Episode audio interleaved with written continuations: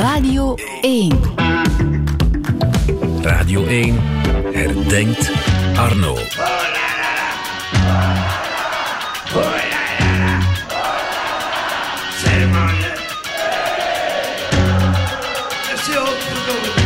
Merci Arno, c'était magnifique. Merci Arno, c'était magnifique. En dit is ook geen zondag als een andere. We eren Arno met het laatste interview dat ik met hem had twee maanden geleden in de Archiduc in Brussel. Dat gesprek kan je herbeluisteren in de app van Radio 1. Een gesprek dat zo net ook mee werd beluisterd door de Hombres Complicados, zijn Brusselse vrienden Jan de Korte, Josse de Pauw, Mark Didde en Dominique de Rudere. Hij schreef muziek voor die film Hombres Complicados, de film van Dominique de Rudere, geschreven door Mark Didde en door Dominique. Muziek natuurlijk van Arno, waar we niet omheen kunnen. Hombres Complicados.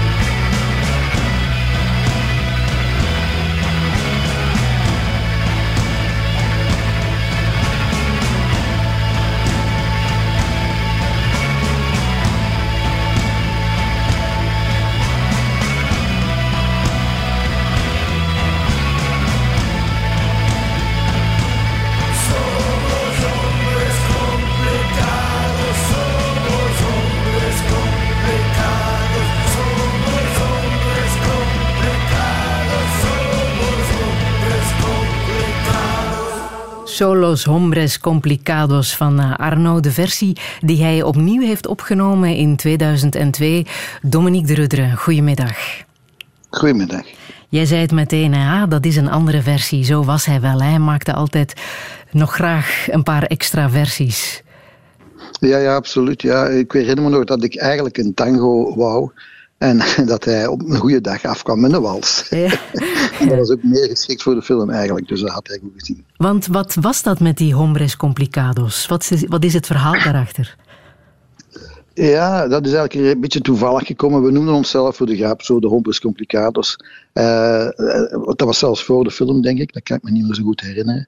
Maar ik weet dat op een, op een bepaalde dag waren we nog eens op stap aan het gaan. Arno en de vrienden allemaal. En uh, een of andere uh, journalisten, Franse journalisten, fotografen, volgden hem al een tijdje. En die had een paar portretfoto's gemaakt. Het was nu al een schoon madame, dus die bleef ook een beetje hangen om bij Arno te zijn. En toen kreeg Arno plots het idee van een foto te trekken met ons vijf uh, in, in de kok. En dan zijn we allemaal naar de kok getrokken. En die madame heeft daar een foto getrokken. En dat is de Hombres Complicados foto, die nu allee, een licht legendarisch is. Ja, en misschien heeft ook iedereen zo'n beetje zijn eigen verhaal over die Hombres Complicados. Hij heeft zelf ook verteld wat het uh, voor hem betekende. Ik laat dat even horen. Napoleon was een klein ventje. Uh, Dominique de Rudder is ook een klein ventje. Maar komt van een, een petit pays. Maar ja, de groot esprit.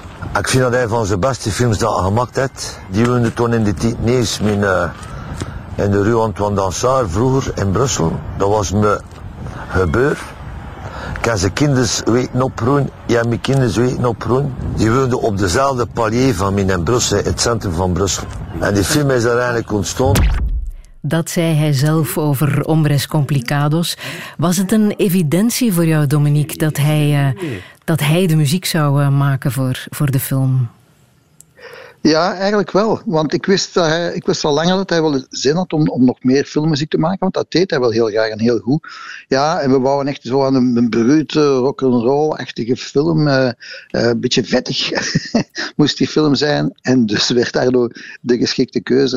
Het was echt een, een, een hele goede match. Hele, hele goede match is en wat was het verhaal van de film? Had hij daar iets mee te maken? Het verhaal van de film. Dat zei, nee, niet echt. Ik denk niet dat hij uh, zich uh, aangetrokken... Hij vond het zeker een goede film en, we zijn er allemaal wel tevreden over. Maar het verhaal gaat eigenlijk over twee broers. En de ene is corrupt en de andere niet. En, en, de, en de goede, zeg maar, uh, moet een misdaad begaan om de corrupte te helpen. Dus en voilà, het was een soort van wilde comedy. Een, een, een vettige wilde comedy. Heel brutaal geschoten ook. Heel brutaal gefilmd. De fotografie is niet verzorgd. Maar ja, ik vind het ook zelf, ik vind het fijn. Allee, ik wist dat Arno dat een van mijn beste vindt. Uh, dat vond ik, en dat vind ik zelf ook wel. Ja. ja. Um, die hombres complicados hebben elkaar gevonden, dacht ik, in uh, de jaren tachtig in Brussel. Hè? Hoe is dat gegaan? Uh, heel traag. Nee, ik weet niet of traag, heel snel. We zaten allemaal in de Falstaff, geloof ik. Ja, allemaal. Een ander café. Ja, ja dat de Falstaff was aan de beurs. Dat was zo'n Art Deco eh, café. Ik denk dat het nog bestaat. Ja, ik ben niet meer zo vaak in Brussel geweest. Uh, en daar zaten we dan, half en halfjes te drinken of pintjes te drinken. En zo leerden we elkaar allemaal kennen. Ik kende Arno wel al een heel klein beetje van vroeger. Omdat ik had vroeger een café in Leopoldsburg, dat heette De Vrat. ik had dat samen met Marcel van Tilten. Marcel kende Arno al. En Arno uh, was met, met, met Paul de Koeteren komen optreden al daar. En dus we kennen elkaar al een beetje, maar in, in Brussel, uh, als we allemaal samen zaten, is die vriendschap geleidelijk aangegroeid. Ja. Iedereen zei we, we lachten vaak en, en, en goed eigenlijk. En het was heel plezant, we hadden gewoon een heel plezante bende, die dan geleidelijk aan van de Falstaff naar de Kok ging en dan zo naar de Archiduc. Ja. Want de Archiduc bestond toen wel al, maar daar zat niemand. Dat, dat is al eigenlijk later begonnen. Ah. Waarover praten jullie? Wat, wat waren de gesprekken? We zijn daar uh, gelukkig bijna allemaal vergeten, denk ik. Echt waar. De volgende... gedronken. Zoveel werd er gedronken. De volgende dag waren we dat eigenlijk al vergeten. Waardoor we de volgende keer, als we elkaar zagen, gewoon op hetzelfde konden zeggen. En dan vonden we dat gewoon terug opnieuw grappig. Maar echt hoor, ik denk dat ik het zelfs niet overdrijf. Uh, het was gewoon echt plezant. We maakten de meest absurde grappen. Het vijftal konden elkaars humor wel, wel uh, echt appreciëren. En dat ging allemaal heel snel zo. Dat waren allemaal van die one-liners. Dat was Jan ja. Kort al heel goed. En, dus dat was gewoon prettig. We hadden elkaar heel graag. En we, we hadden heel veel plezier. Dat is belangrijk in het leven. Ja. Wat hij zo net ook vertelde in het interview uh, Je veux vivre, is dat uh, hij vooral van Engelse humor, de Britse humor hield. Hè. Was dat toen ook te merken wat je zegt, one-liners? Um, het speels ja, zijn met de taal? Ja. Ja, ja, ja dat, zou, dat zou het best kunnen zijn, ja. Maar dat taalgebruik verminderde wel, uh, allee, de kwaliteit van het taalgebruik verminderde naar gelang de avond vorderde. ja, ja. Nu, muziek maar, maar was natuurlijk. Wel worden. Ja, ja. Muziek was ongetwijfeld een, een onderwerp om over te praten, maar toch ook politiek, hè? Want oh, ja, was, dat bleek zo net uit, ook uit het gesprek. Um, uiteraard de verkiezingen in Frankrijk aan het volgen. Vandaag zou hij allicht aan de tv gehangen hebben, denk ik. Mhm. Dat was ook wel zijn interesse, hè? de politiek. Oh ja, nee, nee, maar ook van ons allemaal. Hè. Mhm. Want het was niet alleen maar gezeven natuurlijk. Hè. Maar uh, want we zagen elkaar toch vaak in, in, lange uren. Nee, politiek zeker en vast. Uh, Arno was een, een heel geëngageerde mens. Hè. En, en trok zich de wereldpolitiek, maar ook zeker en vast wat er in België gebeurde, zeer, zeer hard aan. Hè. wij, wij, wij voelden allemaal. Uh, ja, het, zeg maar, het Vlaamse nationalisme een beetje opkomen. Dat alsmaar sterker werd, wat, wij als Brusselaars niet zo prettig vonden. Dat zijn dingen, maar ook wereldpolitiek. Uh, ik, ben, ik heb hem wel nu de laatste tijd niet gezien, want Arno hield een beetje. ik denk dat hij gewoon, uh, moet ik zeggen, niet eenzaam, want hij heeft zijn familie wel, maar hij wou eigenlijk uh, gerust gelaten worden, denk ik, tijdens dit stervensproces. Maar hij heeft altijd heel erg met, met, met politiek uh, zich bezig gehouden, absoluut. Wij allemaal, denk ik. Ja. Je hebt nog die prachtige en allesomvattende documentaire Charlatan kunnen maken toen hij al wist dat hij ziek was. Hè? Een documentaire die uh, nog altijd te zien is op VRT Nu en die iedereen moet bekijken. En die vanavond uitgezonden wordt. Ja, die ook uh, opnieuw wordt uitgezonden hè, vanavond. Um, ja. Dat heb je ook niet echt moeten vragen, begreep ik. Dat is een beetje organisch een spel geweest tussen jou en hem. Ja, uh, dat is eigenlijk gekomen. Ik zat op een goede dag bij de producenten uh, van, van die documentaire Borgerhof in Gent uh, voor iets helemaal anders. En toen zei, zei iemand daar van, zeg Dominique, Arno wordt 70, was dat toen denk ik. zouden niet eens een documentaire maken over Arno? Of hij was net 70 geworden denk ik. en ik zeg, nee, dat doe ik niet, want allee, ik ken Arno te goed en dat gaat niet goed worden als ik dat als ik dat doe, dat, dat gaat niet, nee, dat, ik wou dat niet doen. Maar een paar maanden later belde Arno mij op, of hij wel een gesprek.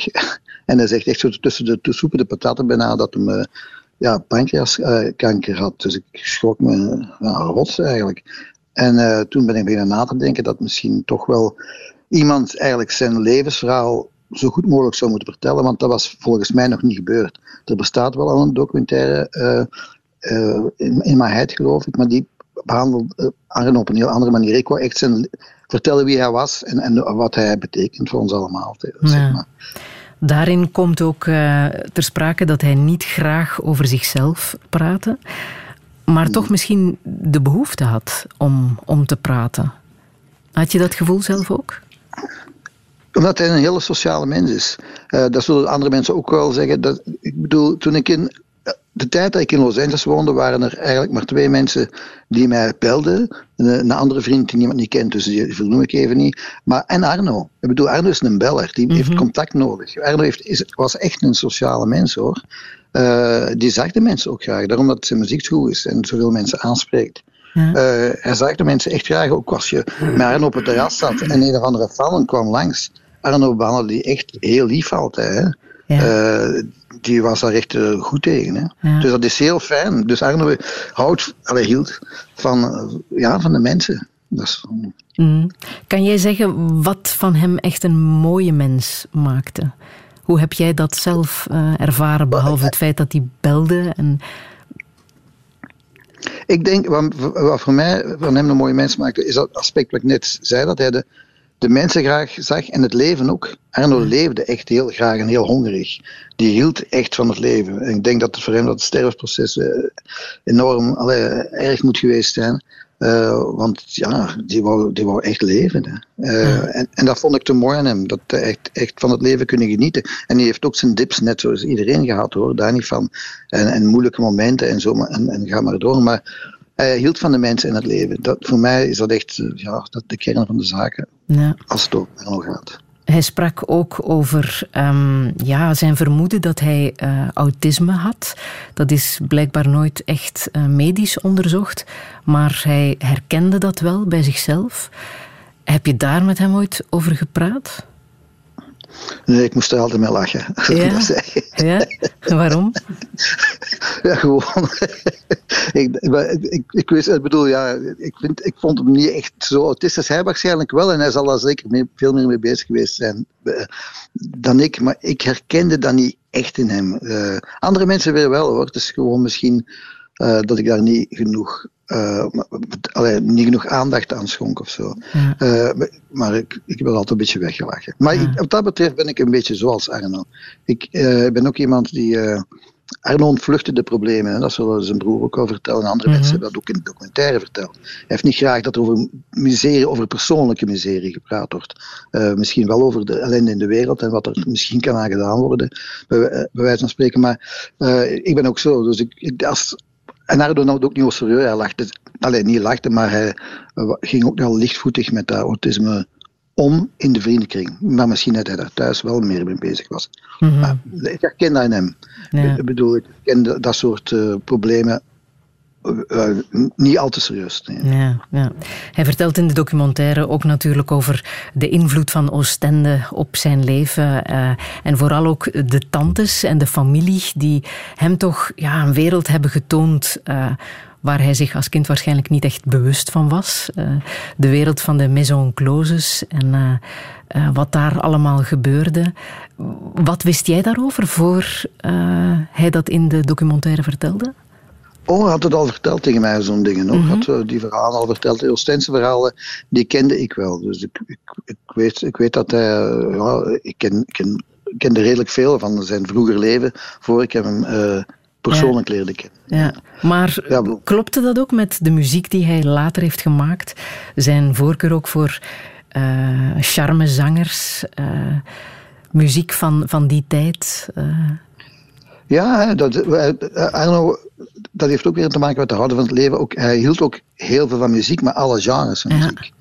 Hij pinde zich niet vast op zo één ding. En hij werd ook wel, eh, als men hem als punker eh, eh, wou portretteren, of als pure rocker alleen, dat vond hij eigenlijk niet fijn. Hij, hij- hij had een hele brede wire aan mu- muziekinteresse. En was altijd heel hongerig naar nieuwe sounds. En, en probeerde nieuwe sounds samen met de mensen waarmee hij werkte, met Serge en eh, al die mensen, probeerden zij heel erg om, om, om andere en nieuwe klanken te ontwikkelen. Wat bij Decimatic bijvoorbeeld heel erg goed gelukt is. Dus al die invloeden. Hij, was, hij stond heel open. Hè? Ik ben open gelijk een oude hoer, zei hij altijd. ja. En was het een charlatan in jouw ogen?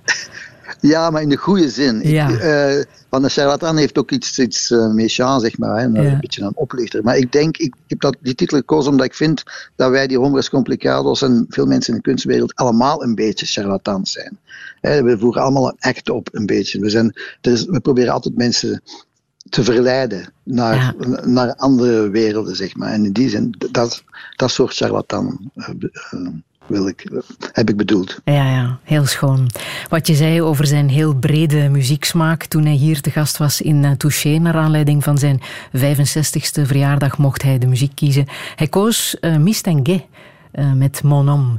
En dat deed hem inderdaad wel denken aan uh, die periode met zijn tantes in, uh, in Oostende. Wil ik laten horen. Dominique de Rudderen, hartelijk dank om even aan de lijn te komen. Graag gedaan. Dank u wel.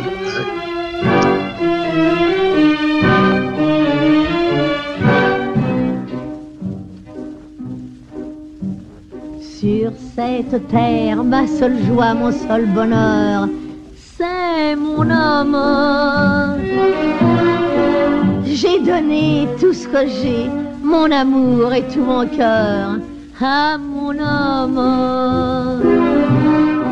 Et même la nuit, quand je rêve, c'est de lui, de mon homme.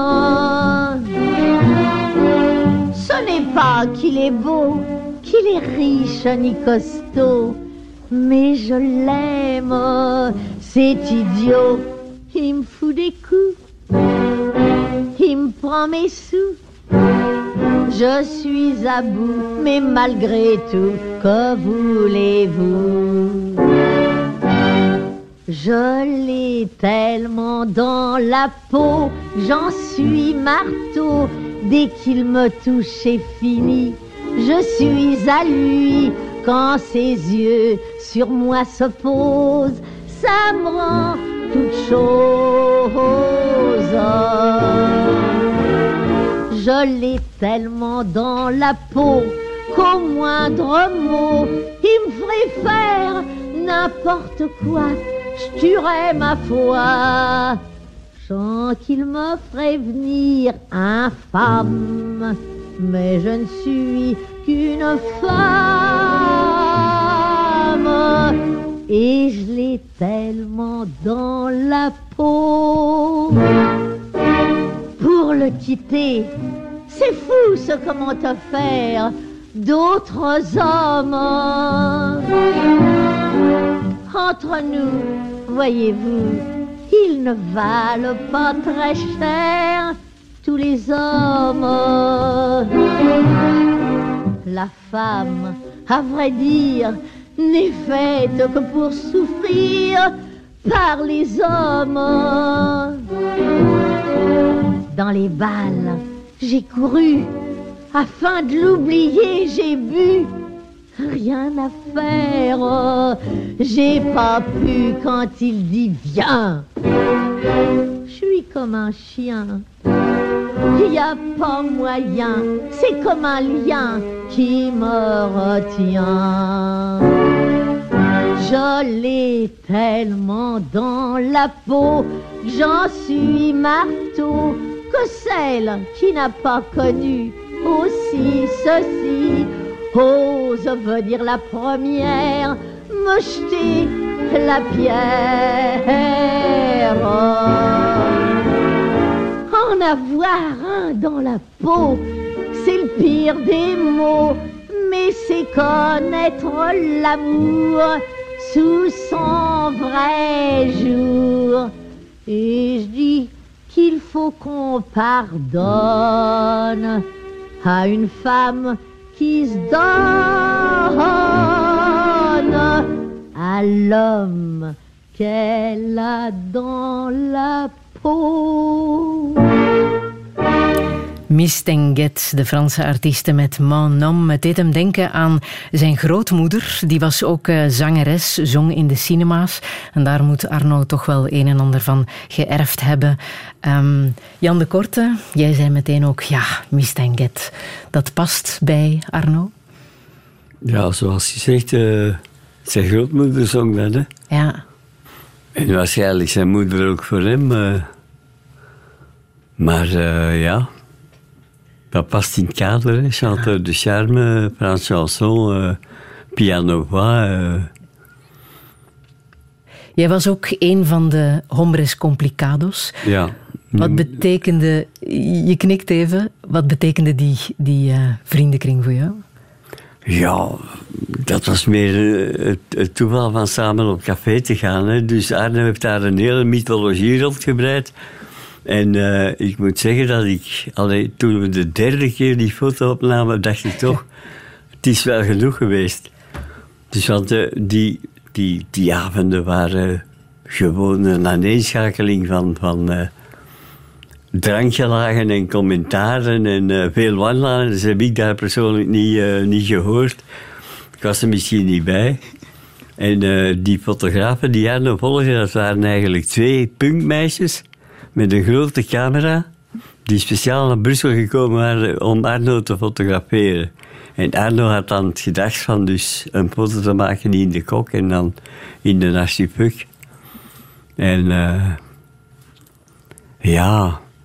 Maar jullie hebben toch ja, in de jaren tachtig, denk ik, mee Brussel een beetje kleur gegeven. Hè? Want Brussel in die jaren, wat, wat was dat op dat moment?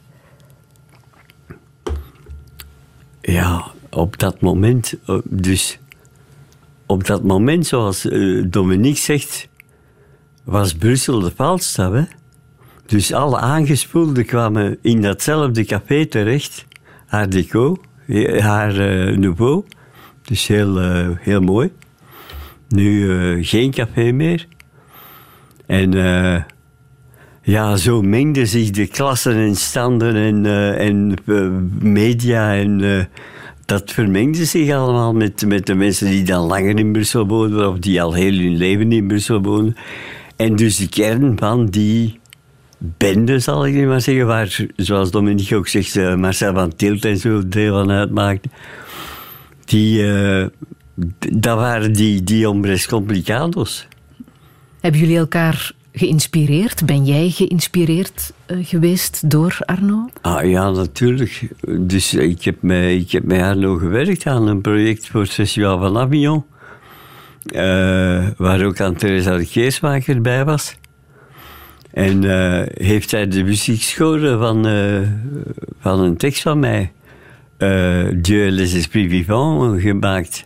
die heel mooi was. En typisch voor Arno was dat hij, als beloning had hij op het einde een liedje voor mij geschreven.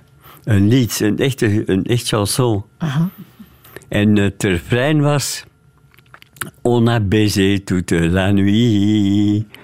En later heeft hij dat op plaat gezet. En toen heeft hij zelf gezongen On a yo-yo toute la nuit. Omdat baisé niet, niet mocht van de platenfirma. Echt waar? Ja, ja. Eh, Brussel zonder Arno. Dat zal vreemd zijn, hè? Ja, maar ik, ik leef in Brussel, maar al lang zonder Brussel hoor. Eh, ik ben geen, geen overtuigde Brussel-vlaggenzwaaier. Dus ik vind de stad heeft zijn, zijn rare kanten, zijn, eh, zijn, zijn goede kanten ongetwijfeld. Maar eh, die, eh, dus, eh, wat mij ergert is het dagelijks bestuur van die 19 gemeenten. Hè. Dat, is een onmogelijke zaak. Dus als je nu weer ziet wat, wat voor een ramp ze met die piétonnier hebben aangericht. Dat is, en dat is, laten we nu met een bang hartje zeggen, voor 50 jaar. Hè. Voor 50 jaar zit dat grondig fout. Was dat ook iets waar Arno zich druk kon om maken? Maar de- alle mensen die, die, eh, die ik ken, maakten zich daar druk over. Dus dat is de dagelijkse politiek in Brussel. Hè? Ze hebben niet ooit een, een winteraffiche gedrukt. eh plezier d'hiver, winterpreten. Dan moet je toch... En dat waren dure spandoeken, hè? Dus winterpreten. En dan wat was het anders, Sigrid? Ja, dat weet ik niet meer. Een blink op morgen. Ja, een blik op morgen, ja. Sigrid is uiteraard ook mee in de studio. Ja, eindelijk is een vrouw die over haar ja, spreekt. ja, want... Want het is wel een mannenwereld, hè? Ja, want ik moest nog lachen, omdat Dominique en Jan ook zeiden van ja, die avonden in de kok. En we dronken veel en de volgende avond begonnen we terug. En we waren allemaal dronken, maar de vrouwen zaten er ook bij. En die meeste dronken niet, of niet zoveel. Dus die wisten altijd al diezelfde moppen en one-liners die de volgende dag gingen terugkomen. Ja. De enige die consequent zijn vrouw meebracht was ik, hè? Ja, Lorette was er toch ook. Lorette was af en toe erbij. Maar dus eh, op die foto niet te zien ook niet, hè? In die zin was het wel een mannenwereld. Ja, Ja, maar. Arno was de magneet, begrijp ik toch uit de vele gesprekken en uit Charlatan bijvoorbeeld, de documentaire van Dominique, dat Arno de magneet was voor de vrouwen. Ah, voor de vrouwen zeker wel, ja, Ja. ja absoluut. Ja. Kan jij uitleggen hoe dat Ja, kwam? maar ja, dat is, dat is nu toch echt een, een misvatting die ik even moet wegzetten. Ja? Dus de, de vrouwen kwamen niet voor Arno, de, de vrouwen, en ik zeg het nog eens, ik herinner mij weinig avonden waar vrouwen aanwezig waren. Hè? Zoals, zoals op de foto's duidelijk te zien is. Maar eh, Arno, zijn, zijn eh, spectrum qua vrouwen lag wel buiten die kring. Hè? Dus Arno heeft nooit uh, Sigrid proberen te verleiden. nee, hij viste niet in de enge Dus was- vijver. Zo was vriendelijk was hij wel. Ja. ja, zo vriendelijk was hij wel. Maar hoe heb jij hem ervaren, Sigrid? Goh, ja, eigenlijk heel persoonlijk, want ik moest er nog aan denken.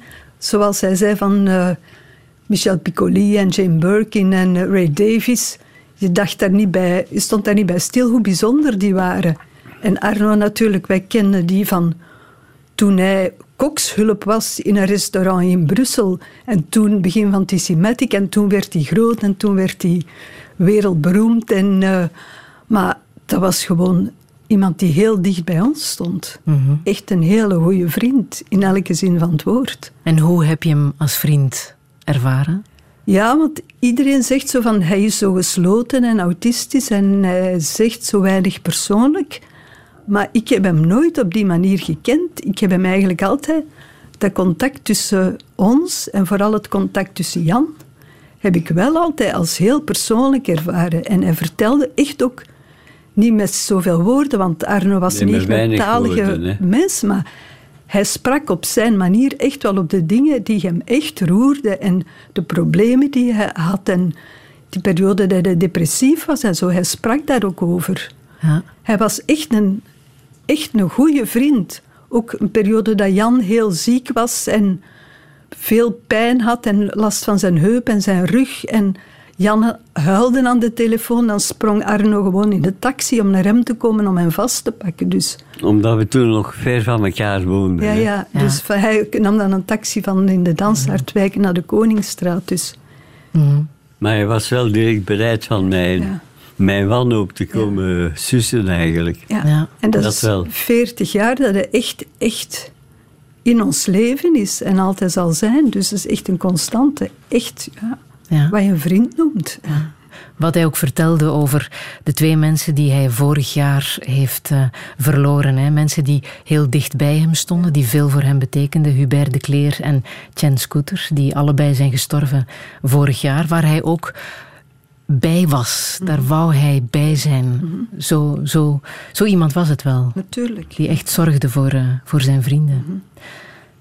Een zin die mij enorm eh, raakte in het eh, gesprek was eh, wat hij zei over God. Ik heb, ik heb God gevoeld, zei hij Ja. ineens. Ja. Allee, ja. Dus iedereen moet met God omgaan zoals hij wil. Hè. Ja, Dus en als hij dat wil toelaten, dan is dat, is dat... Het is zelfs mooi hoe hij het formuleert en zo. Maar ik voel me daar niet door aangesproken.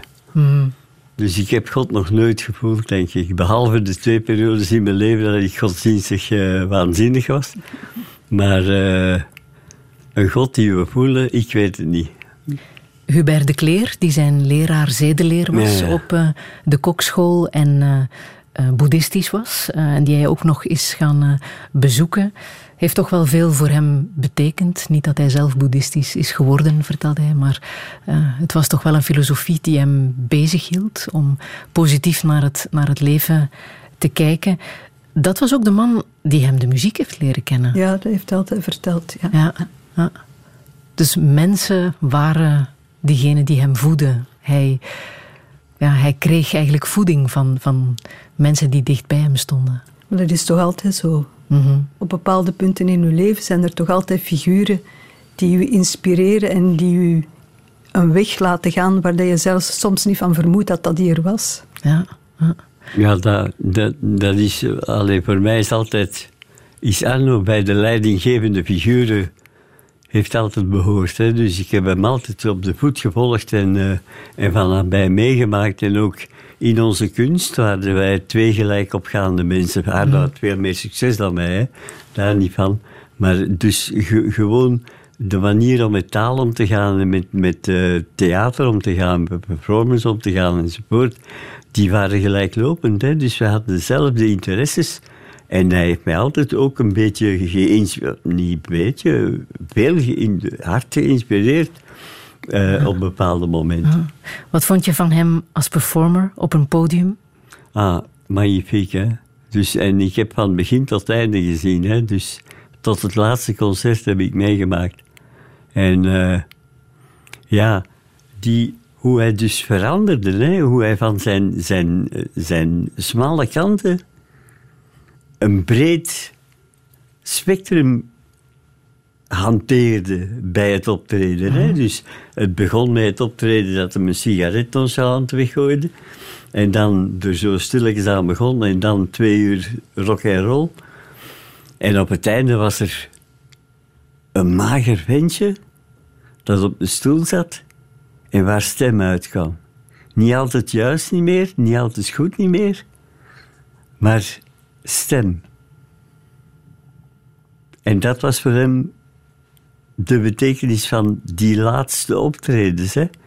Die wij, want er zijn nog mensen bij die, die wij gevolgd hebben ook. Hè? En die stem, hoe bijzonder was die? Ja, Arno zijn stem is, eh, is echt eh, ongelooflijk sterk en, eh, enfin, en is dan zwakker geworden ook. Hè? Dus die, die, die laatste optredens. Was hij nog die stem, maar een schim daarvan, hè? Hij ehm, leerde Sonny Boy Williamson kennen dankzij Hubert de Kleer. Ja. Ja, was hem toegestopt geweest. En dat is Ja. muziek die hij ook koos eh, toen hij 65 werd hier eh, in Touché.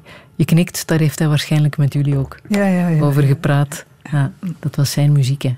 Het is onwaarschijnlijk hoe klein zijn, zijn, zijn eh, terrein bleef. Hè. Dus die, de, Sonny Boy Williamson, dat is echt, daar heeft hij, daar heeft hij 70 jaar mee gedaan, hè, bij wijze van spreken. Dus van zijn school tot op het einde van zijn leven was er altijd Sonny Boy Wilson, uh, Marvin Gaye, die hij persoonlijk gekend heeft, die ook in Oostende gewoond heeft.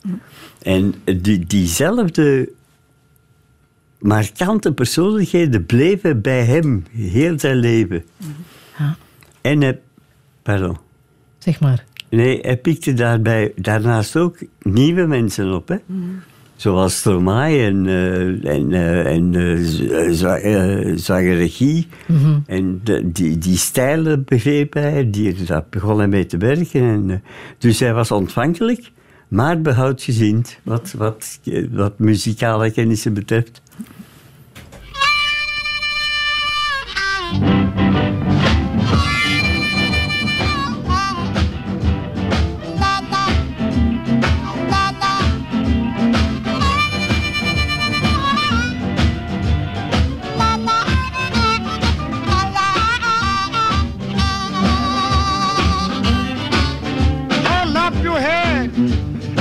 Let your conscience get you down.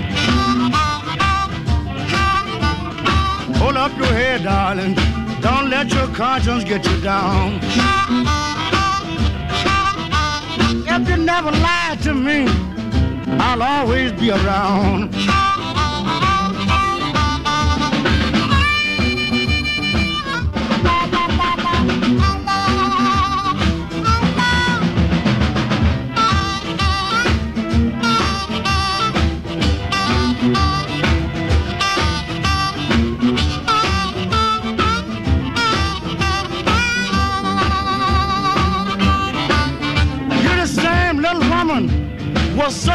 Loving, kind to me in every way. You are the same little woman, was so nice, loving, kind to me in every way. But if you never lied to me, I'll be by your side both night and day. You have a strong constitution, and I'm not gonna let you down have a strong constitution, and I'm not gonna let you down.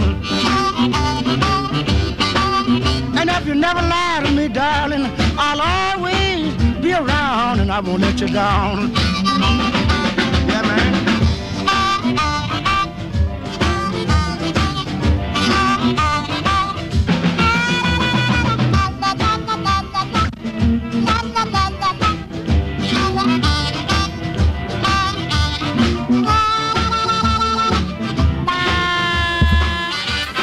Hij was wat van Sonny Boy Williamson met zijn mondharmonica. Hier met Let Your Conscience Be Your Guide.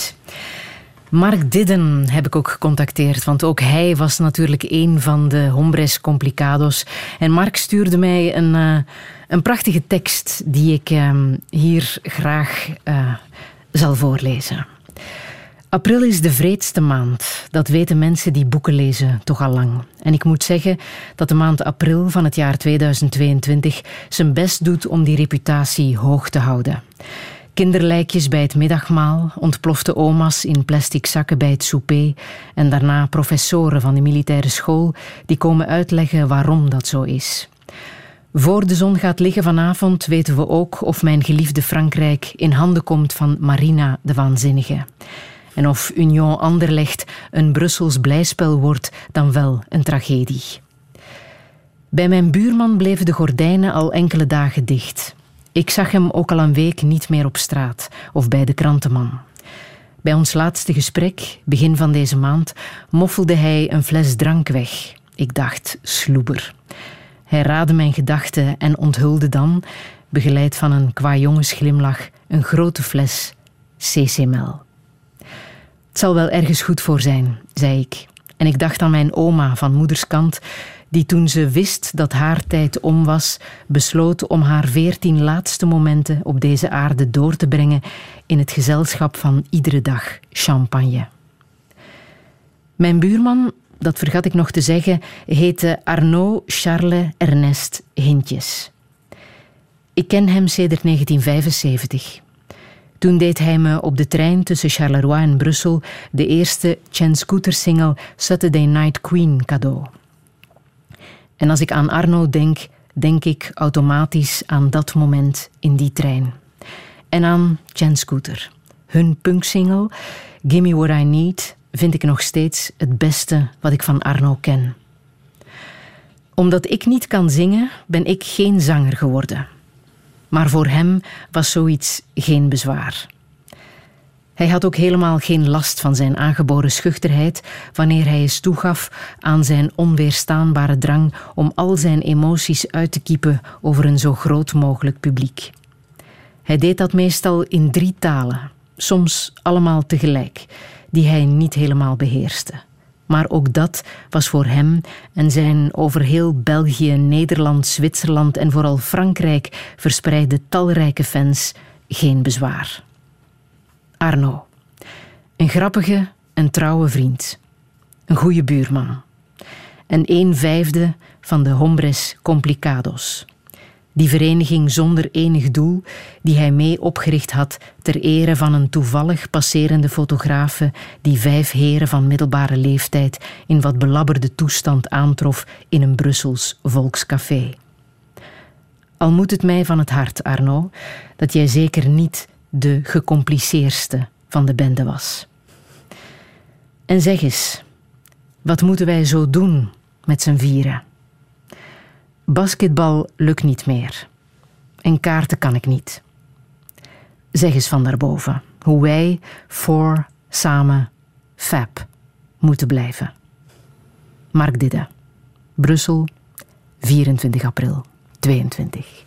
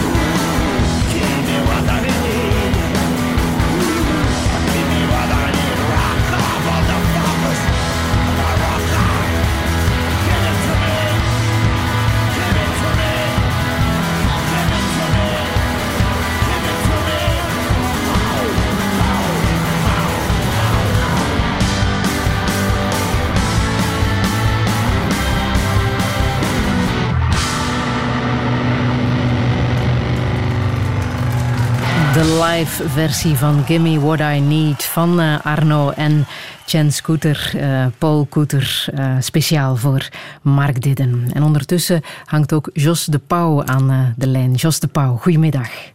Goedemiddag, Friedel.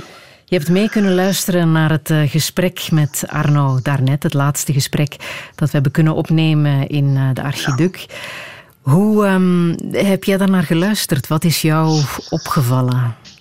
Ja, het, was vooral, uh, het is vooral goed van, uh, van hem nog eens te horen. Zo. Dat, mm -hmm. dat, is een beetje vreemd in deze situatie.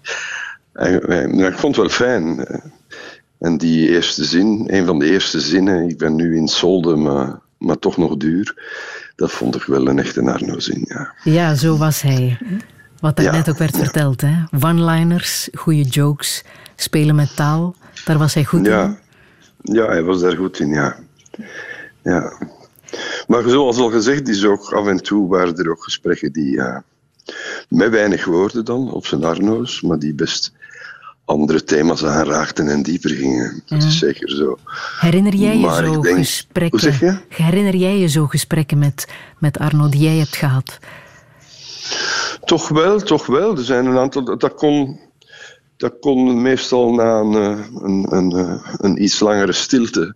kon dat plots opborrelen en, en naar, een, naar een ernstiger plan gaan. Ja, dat kon gebeuren, ja. Mm-hmm. Ik, weet, ik herinner mij vooral die sfeer van die, van die momenten. Kijk, toen wij veel samen waren, die zeg maar twintig jaar dat we elkaar heel erg veel frequenteerden.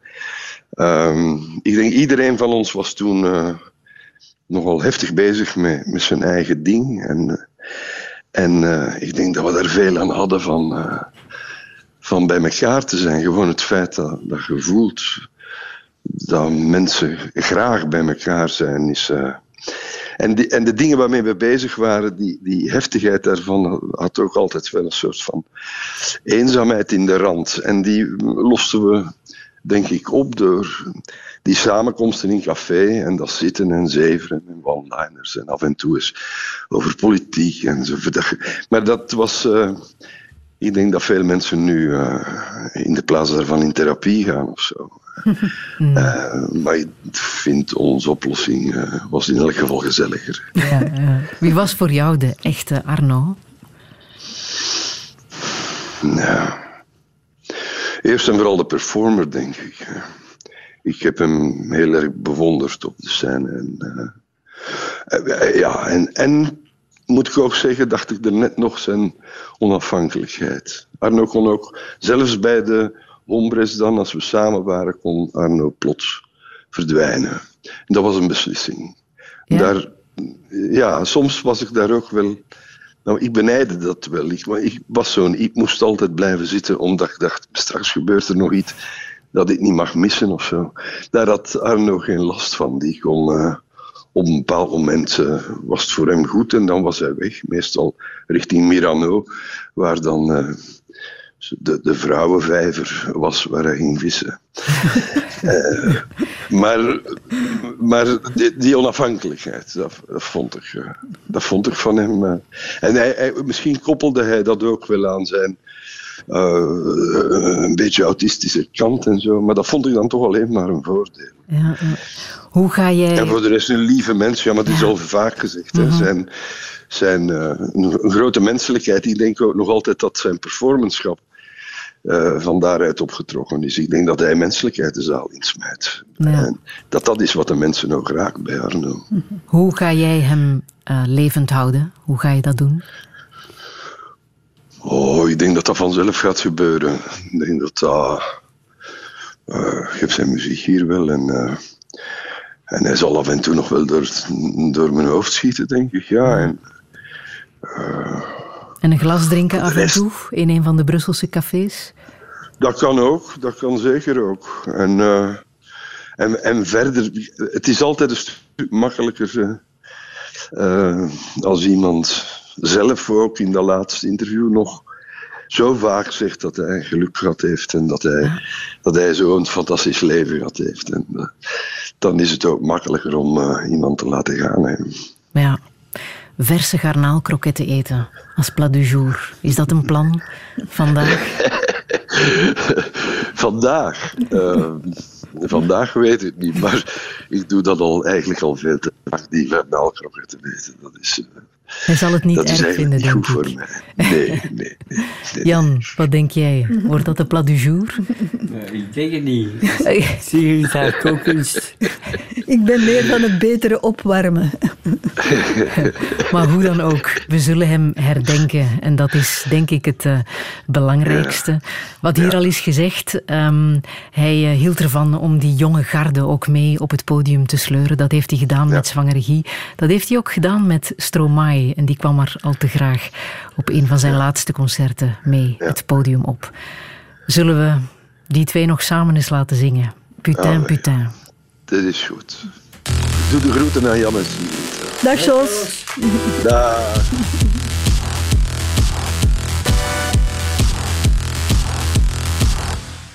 Je ne suis pas une footballiste, je ne suis pas une communiste et je ne suis pas une catholique, je ne suis pas une cy- cycliste. Putain, putain, c'est vachement bien, nous sommes quand même tous des Européens. Putain, putain, c'est vachement bien, nous sommes quand même tous des Européens.